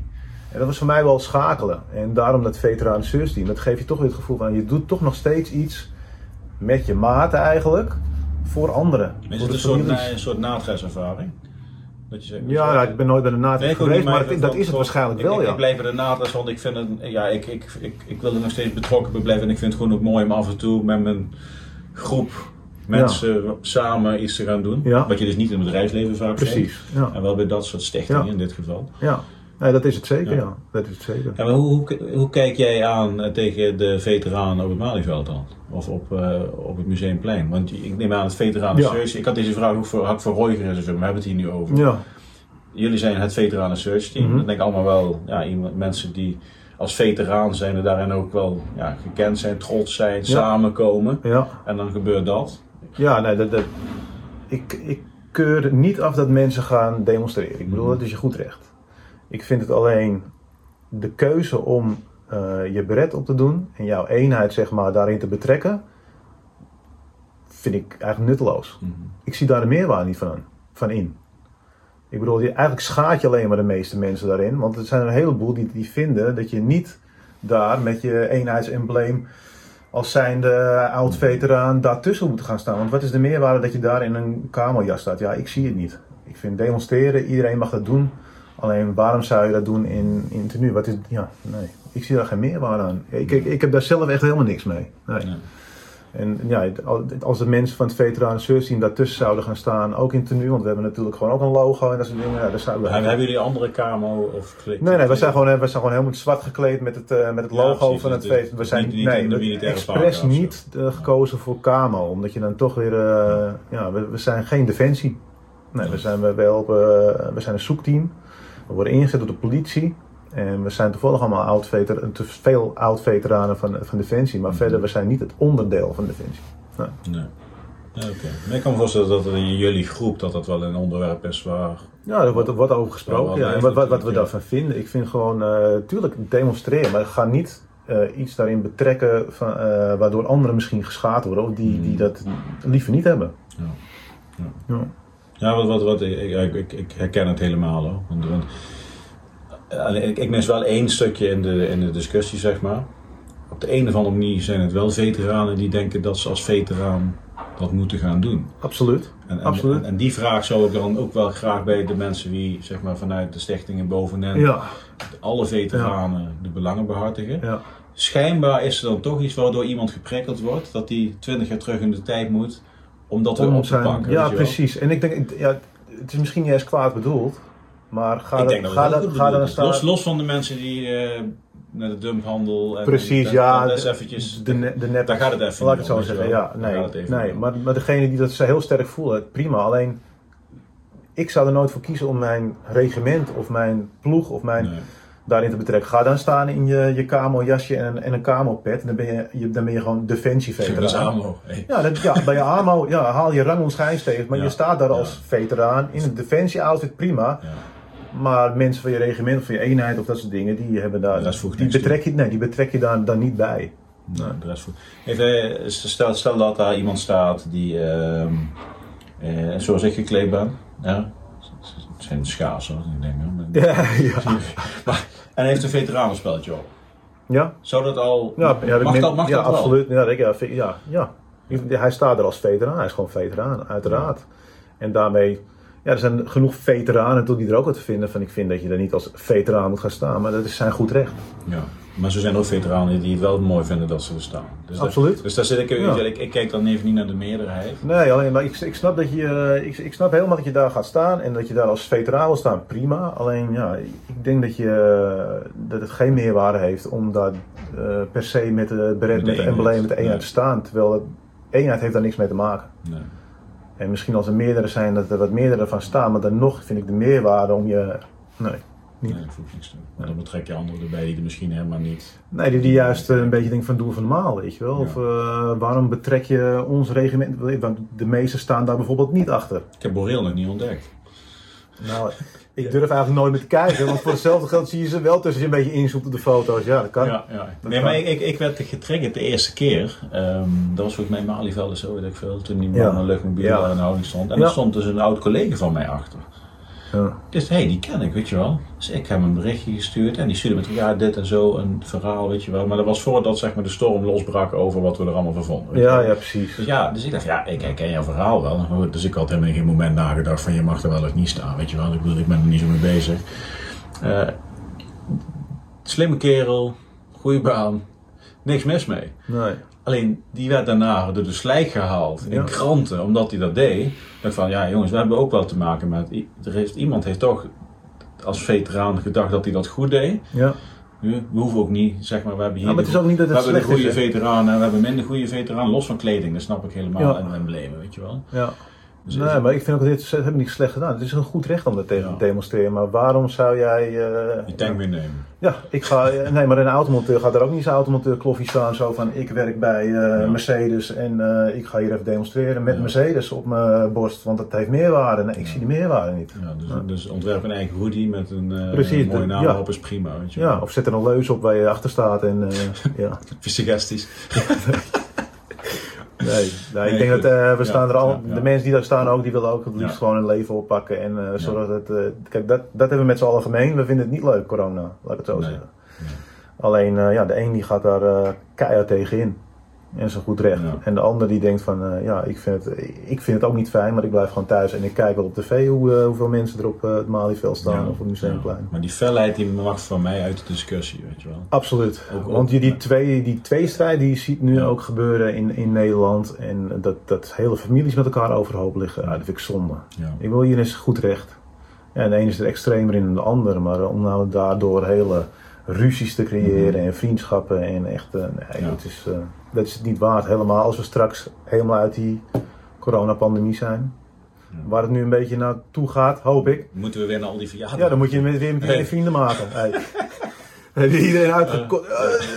en dan, daarna moet je weer een biertje met elkaar kunnen drinken. Ja. En zo hoort het eigenlijk ook in het leven. Maar goed, eh, ik denk dat er een heleboel mensen daardoor eh, ja, re- eh, relaties eh, met, met vrienden, familie en kennissen. ja, Ja. Nou, even, even, doorpakken, even naar vandaag zeg maar. Je hebt nu je eigen health center. Ja. Eh, twee jaar terug begonnen net voor corona. Ehm, wa- waar zijn jullie goed in? En, en ook zeg maar de huidige tijd. Want we, ja, wat we net bespreken is vooral ook mentaal met elkaar omgaan, energie. eh, Ja. Eh, verbinding zoeken met elkaar, met jezelf. Verbinding Ja. zoeken met jezelf en daarna ook met de mensen om je heen. Ja. Hoe, hoe doe jij dat met jouw, eh, jouw center? Eh, nou ja, ik merkte heel erg dat grote sportschool is een beetje gericht op de massa. Mensen één keer binnen laten komen, een schemaatje, een meting en daarna kijken maar hoe, tot hoe lang ze blijven. En Mhm. voor de rest aandacht maar weinig, minimaal begeleiding. En ik heb eigenlijk een, een limiet aan mijn abonnementen. Er zijn nooit meer dan zes mensen binnen. En ja, over het algemeen ben ik door de week zelf altijd aanwezig. Mhm. En daarnaast lopen er andere personal trainers rond. En bij mij is het eigenlijk het doel van iedereen die komt daar, die moet zich op zijn gemak voelen. Dus Iedereen ken ik persoonlijk, van mijn klanten ook. Bij een intake kijk ik ook echt of, of het past binnen mijn Mhm. visie op trainen en wat een doelstelling is. Ik bedoel, als iemand komt van eh, ik wil eh, ja, dit en dit en dit en eh, niet echt met een doel, dan denk ik al bij mezelf, ja, dat, dat is leuk, maar dan kan je net zo goed naar een, nou, een fit, nou, fit for free of een, of een grootschalig sportschool gaan. Dan kan je dat gewoon doen. Maar help jij die mensen ook om een doel te vinden? Absoluut, absoluut. Bij de intake. moeite om een, om een Ja, bij de intake. Ja. Nou, het grappige is dat je bij heel veel mensen, eh, ik geef altijd het voorbeeld, ze komen aan, ja, ik wil 10 kilo afvallen. Ja, dat- is leuk. En dan zeg ik, eh, maar is dat je hoofddoel? Ja, ja, ik wil echt 10 kilo af. Maar waarom? Want je weet niet meten, zo klaar. Ja, precies. Ja, maar, Ja. maar waarom? Ja. Ja, ja. En dan komt het. Ja, ik voel me niet lekker in mijn vel en fitloos. En ik zeg, oké, dus jij wil gewoon zorgen dat je goed in je vel zit. Je wil weer energie hebben en je wil weer gewoon dat je je lekker voelt. Dat is dus je hoofddoel. Dan Ja. komt die 10 kilo vanzelf wel. Want dat is niet relevant. Dat is dan een middel om je zo te Dat is een voelen. middel, ja, precies, precies. En daar kijk ik heel erg naar. En ik, eh, ja, ik, iedereen maakt een persoonlijk schema voor. Of ja, ik richt me meestal op personal training. Maar ik heb ook een aantal mensen die hebben gewoon een abonnement. Eh, ja, die, die elke maand een check-up. Als er bij mij iemand eh, drie weken niet is geweest, dan komt er een berichtje uit van, hey, eh, trainen. Hmm. Waar ben je? En dat heb je allemaal geautomatiseerd ook Ja, ja ik heb een, een app en daar wordt alles in, in, in geregeld, ja. En wat ik heel erg zag was dat ik was personal trainer. En ging een heel traject personal training met mensen. Twee, drie jaar trainen. Op een gegeven moment wilden ze het ook weer een beetje zelf proberen. Oké, gaan we zelf proberen. En dan zag je gewoon als ze zelfstandig in een grote drukke omgeving moesten gaan trainen. Dat werd hem gewoon niet. En ik heb nu eigenlijk gewoon... eh, ze komen met een abonnement bij mij. Ze hebben eerst mijn personal training gedaan. Dus ze weten hoe het is. Ze voelen zich daar heel op hun gemak. En als ze dan zelf gaan proberen in mijn ruimte, ik ben er altijd nog. Je ziet dat ze blijven trainen. Ik vind het gewoon zonde als mensen eh, twee jaar lang of drie jaar lang in, in, in zichzelf investeren. Personal training kost een hoop geld. En op het moment dat ze zelfstandig moeten, het niet meer volhouden. En dat probeer ik te voorkomen. Dus ze kunnen altijd gewoon na een personal training traject eh, een abonnement nemen, waardoor ze toch nog die continuïteit hebben en de oogjes op hen hebben. En dat, ja, dat was een beetje mijn visie. Ja. En daarnaast. dat, dat eh, begint ook echt vorm te krijgen. Ja, dat, dat, dat, dat heeft al voor. Dat heeft al voor. Ja, want ik had het eigenlijk eh, in mijn hoofd had ik het helemaal uitgedacht. Mhm. En het was ook binnen no time kwam het zo uit de, verf, zeg maar. Is er iets wat de laatste tien jaar dan ook is ontstaan in je hoofd? Van nou, zo gaat Ja. eruit, je dit wil ik. Ja. Dus daar zou ik zelf behoefte aan hebben op die manier. En dan, Ja, want ik, ik merk het aan mezelf ook. Als ik een doel heb, dan wil ik trainen, maar dan wil ik in een ruimte trainen waar ik niet eh word gehinderd door vijf mensen die selfies aan het maken zijn. Of met z'n vijf om één apparaat bezet houden. En nee, daar hou ik gewoon niet van. ik wil gewoon een beetje. afleiding, omgeving. Precies, want zijn. voor een heleboel mensen is de sportschool een drempel. Een grote drempel om er überhaupt al heen te komen. En als je daar dan niet op je gemak voelt, ja, dan weet je het, die komen niet meer. De meeste grote ketens, eh, sportscholen, die, die leven op, op eh, slapende leden. Mensen die niet meer komen. Ja. En gewoon hun eh incassootje blijven draaien. Ja, dat wil ik gewoon niet. Nee, nee dat vind ik niks. Waar kom je klanten vandaan? Is dat, is dat een, een, een kring in, in noord Nou ja, dat is eh, met name, ja, eh, ik zat eerst in Amsterdam. En dus ik heb een heleboel mensen uit Amsterdam. En die zijn ook echt gewoon naar Monnikendam eh, verhuisd, zeg maar, met me mee.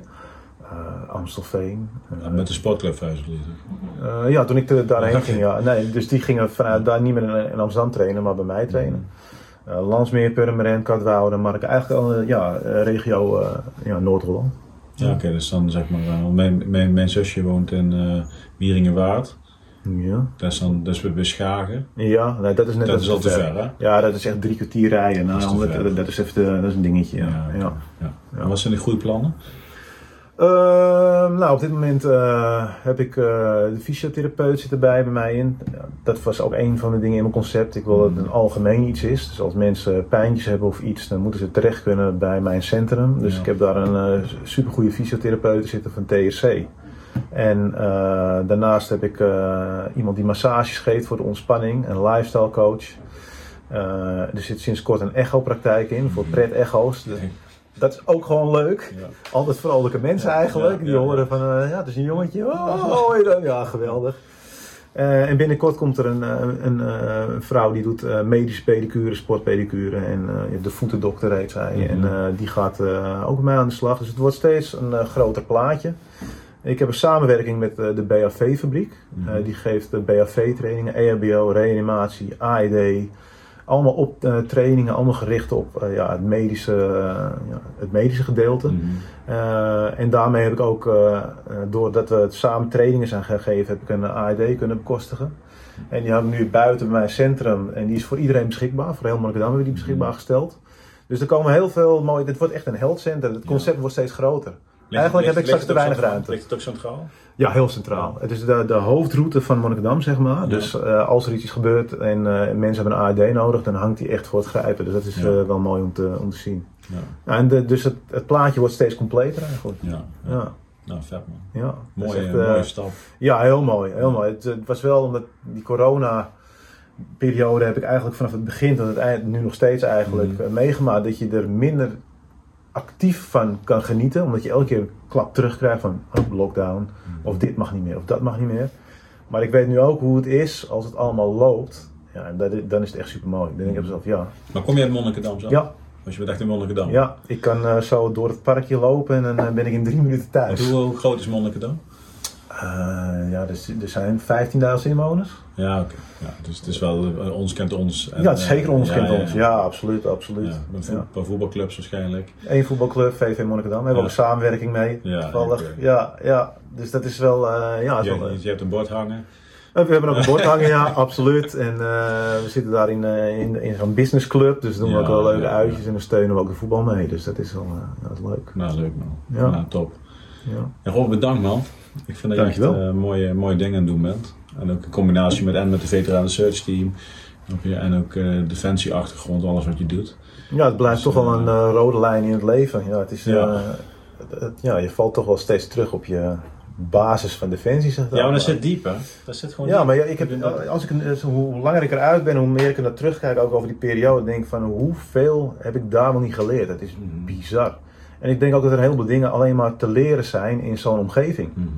Gewoon discipline, doorzettingsvermogen, eh, leiderschap. Want ik vind, ja, omschrijf je iedere ideale leider. Nee, die is er niet. Ik vind, eh, als jij, als jij allround leider bent, zeg maar, dan heb je van alles wel wat. En je kan niet alles goed beheersen, maar eh, je hebt een heleboel leiders vanuit de burgermaatschappij, die zijn redelijk ja, tunnelvisie, rechtlijnig. En bij Defensie maak je zoveel dingen mee. Verschillende gebieden, verschillende mensen, verschillende omstandigheden. Want ja, je moet ook leiding geven als je moe, moe bent. Mensen veranderen als ze moe zijn. Ja, of hongerig zijn.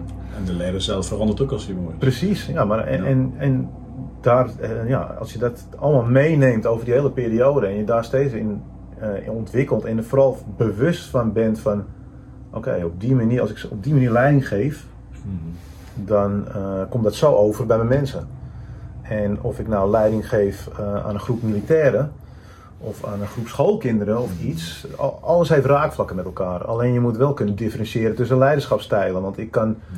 bijvoorbeeld tegen mijn kerels vroeger kon ik zeggen, dit moet geregeld worden. Ja, zeg dat nu maar eens tegen een gemiddelde burger. Dan zitten ze allemaal... Ja, dat kan niet. Nee. Terwijl daar vanzelfsprekend was. Dus dat, dat schakelen tussen leiderschapsstijlen en dat, soort dingen, dat vind ik echt mooi. Ik leer nog steeds van mijn klanten ook. Ik heb heel veel ondernemers als, als klant. En van alles pak ik wel wat op. Ik vind het heel mooi, ja. Ja, zo- zowel als op leiderschap als op Ja, ondernemerschap. vooral ondernemerschap ook. Ja. Want eh, ja, eh, kijk, voor jezelf een bedrijf beginnen, eh, zelf een pand willen kopen, dan, ja, dat zijn dingen dat, dat als je daar geen kaas van hebt gegeten, dan moet je toch echt een beetje uitgaan van mensen die daar wel kaas van hebben gegeten. En gelukkig heb ik onder mijn klantenkring eh, heel veel mensen die ja, ondernemers zijn, die zeggen ja, als je het zo en zo doet, of je moet zo en zo. En, ja, dan komen de kansen. En eh, ja, de- mijn grootste stap was natuurlijk dat ik, eh, dat ik het pand kon, eh, kon kopen. En dat is mede door een, echt een goede vriend van mij, die ook echt ondernemer is. Ja, zonder dat soort mensen in je leven ga je dat nooit kunnen doen. Nee. Dus ja, die kansen moet je ook ja, aangeboden krijgen. En ja, ook wel een soort van afdwingen, want je moet natuurlijk zelf wel het plan hebben. Mhm. En zorgen dat het gaat lopen en, en dat het lukt. En er is mee doen. En er iets mee doen, Ja. absoluut. Dat is het ook. Maar ja, ik denk ook echt, nou, wat ik al zei in het begin, van dat je eh, gedurende je hele leven zeg maar, eh, voorbeelden van mensen hebt. Mhm. Waar je ja, heel van eh, aan optrekt of waar je veel van leert. Ja, dat, als je dat ziet en ook accepteert om van die mensen te leren, dan, dan komen de kansen vanzelf. Ja. Ja. Is, is leiderschap dan... Ja, leiderschap is niet iets maar, waar je heel kunt, kunt definiëren, maar vooral ook van door, door als leider open te staan en, en zeg maar dat uit de omgeving te pakken wat op dat moment bruikbaar is, Ja. of, later wellicht, daar schat je dan wel in. Dat je dat ook weet te vinden op het moment dat je het nodig hebt en op die manier de beste keuzes op de juiste communicatiestijl kunt overbrengen. Ja, Want wat jij zegt is eigenlijk van ja, ik sta open en ik zie allemaal dingen. En op het moment dat ik het nodig heb, dan pas ik ga ik er ook iets mee doen. Ja, ja, klopt. Kijk, en met name ook dat zeg maar dat vanuit Defensie dan, ja, je krijgt zoveel prikkels om je heen, continu. Of het nou van Ja. je kerels is, of een dame die er tussen rent, of Ja. weet ik veel wat, de omgeving, je commandanten die van alles willen. Uiteindelijk moet je het vertalen Naar je- hoe jij dat gaat hoe uitvoeren. jij het gaat doen. En, Ja, klopt. en ik herken dat wel, hè, dat heb ik ook wel eens in de podcast verteld. Nou, ik heb de eerste jaren als leidinggevende bedrijfsleven alleen maar huilende vrouwen aan mijn bureau gehad. Ja, precies. En, ga En ik snapte echt niet hoe het kwam. Nou, Nee. Totdat iemand tegen me zei, ja, de manier hoe jij praat en hoe jij kijkt is behoorlijk Ja, intimiderend. ik vind zelfreflectie het belangrijkste wat er is. Ja, Ja, ik Kijk, weet ook. eh, ja. En dat is ook het moeilijkste wat het is, zelfreflectie. Helemaal met dat soort zo'n voorbeeld als jij zegt. Ja. Ja. je, praat heel direct of eh, ja, je, je uitstraling. Ik heb wel eens heel vaak gehoord, ja, in mijn gezicht, eh, ik heb gewoon donkere wenkbrauwen en eh, rimpels vanaf mijn geboorte. Dus ja, ik ben, ik ben niet heel, dat, dat merk ik in Afghanistan ook. Ik ben Ja, niet een heel toegankelijk persoon. Als mensen mij niet kennen, dus is het niet zo van, eh, Nee. dat gebeurt niet. Nee. Maar dat is gewoon ja, hoe mijn blik is waarschijnlijk. En, en dat merkte ik in Afghanistan ook, want de kinderen kwamen altijd naar de anderen toe rennen voor snoepjes. Maar ik, ik liep daar met zo'n baard ja. en ze kwamen mij gieten aan voor een snoepje hoor. Nee, nee. Nee, en, en ja, ja, Maar heb je dat moeten afleren? moet afleren. Om- Bewust of onbewust? Want, want ik, ja, ik, ik was vroeger ook afgestomd. Zo noem ik Ja, ja, ik heb het wel, ja, ik heb het zeker een beetje Ja. moeten afleren. Ik was niet super afgestomd, maar ik merkte op sommige dingen wat ik, nou, dat is eigenlijk helemaal niet, nee, zo moet ik eigenlijk helemaal niet reageren. Nee. Nee, In de, in de burger. In de burger, ja, absoluut. Ja, want even, wat voor, voor, voor ons misschien heel eh, vanzelfsprekend is, bijvoorbeeld met een doelstelling halen van iemand, die ja, kom op, je moet dit en dit en dit en dit.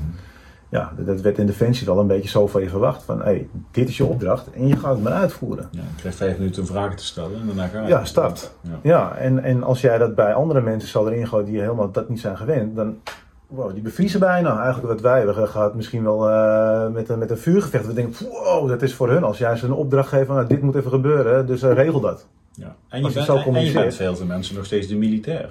Absoluut. Dus- Daar kom dus- je ook nooit vanaf. Nee, dus, dus eh, enerzijds probeer ik zelf dat niet erbovenop te leggen. Nee, maar ze, Maar je bent er ook trots op, dus je wil wel dat ze het weten. Ja, ab- absoluut. En ik denk, wij als militair zijn we ge- gewend om directief leiding te geven, heel vaak. Want dan is er weinig tijd, dus we moeten gewoon duidelijk en rechtlijnig zijn.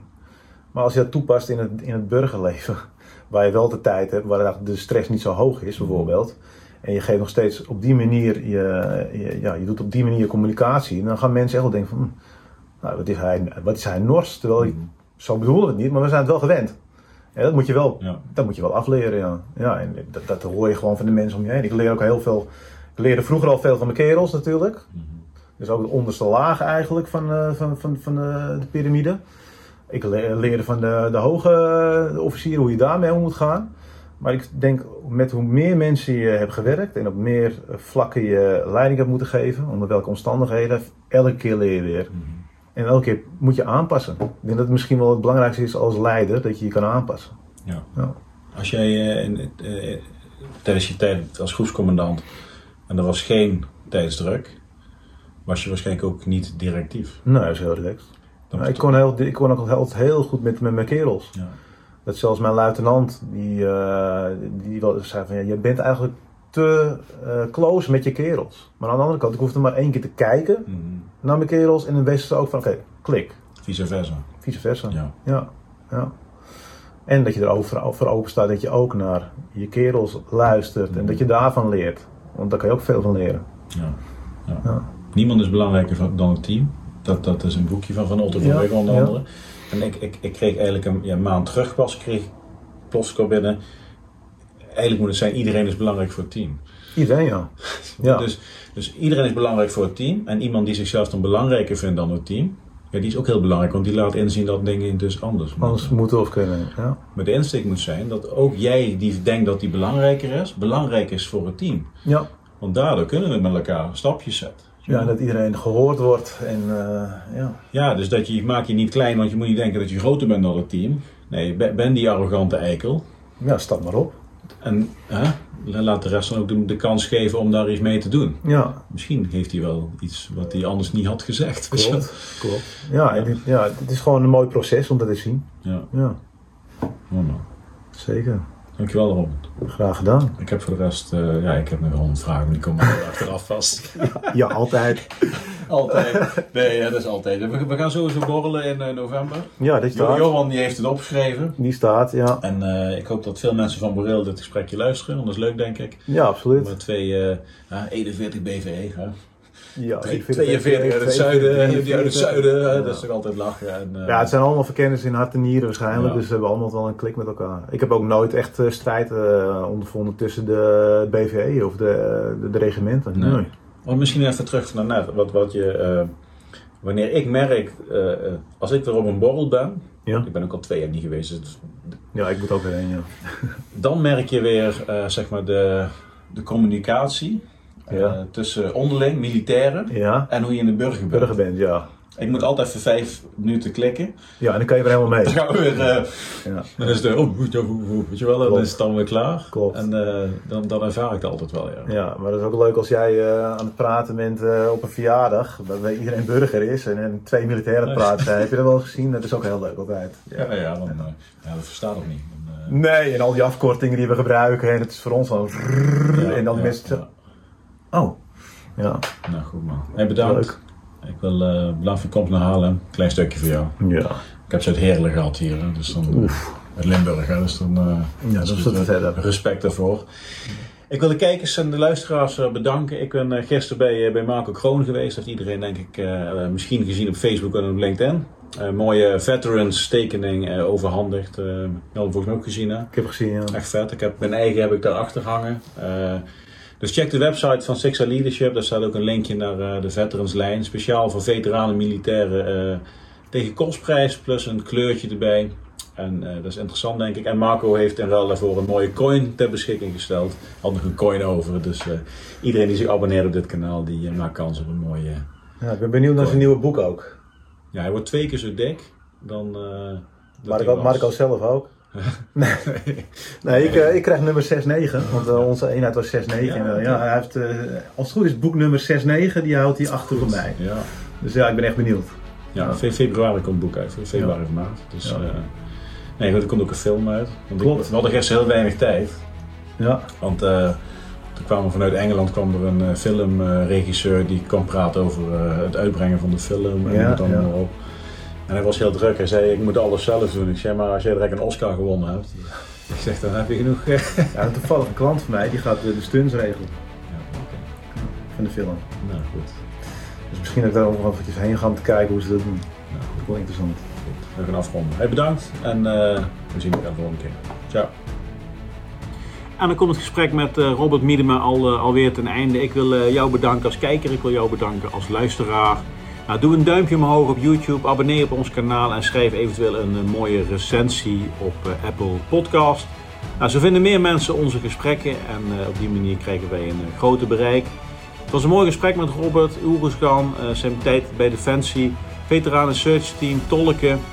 En zijn mooie health center waar hij nu als ondernemer ook mooie stappen mee aan het maken is. Nou, we gaan afsluiten. De volgende gast is Roy Grinwes.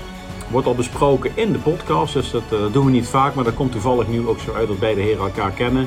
En eh, met Roy kijk ik ontzettend naar uit, want Roy is eh, enerzijds als gewond soldaat teruggerepatrieerd vanuit, vanuit Oeruzgan bij de aanslag op Tom Christ, de fatale aanslag. Is ontzettend actief geweest voor de tolken, samen met Dirk Boswijk daarin veel geschakeld. En binnen het veteranenland is Roy wel iemand die ontzettend vooruitstrevend, strevend, samen onder andere met eh, Amy van Son, eh, veel dingen doet. Ja, dus een verbindende factor in veteranenland en dat is leuk om daar mee in gesprek te gaan. Nou, ik ga er een einde aan maken. Dankjewel. En eh, we zien elkaar bij de volgende podcast met Roy Grinwes. Patrick hier, einde bericht.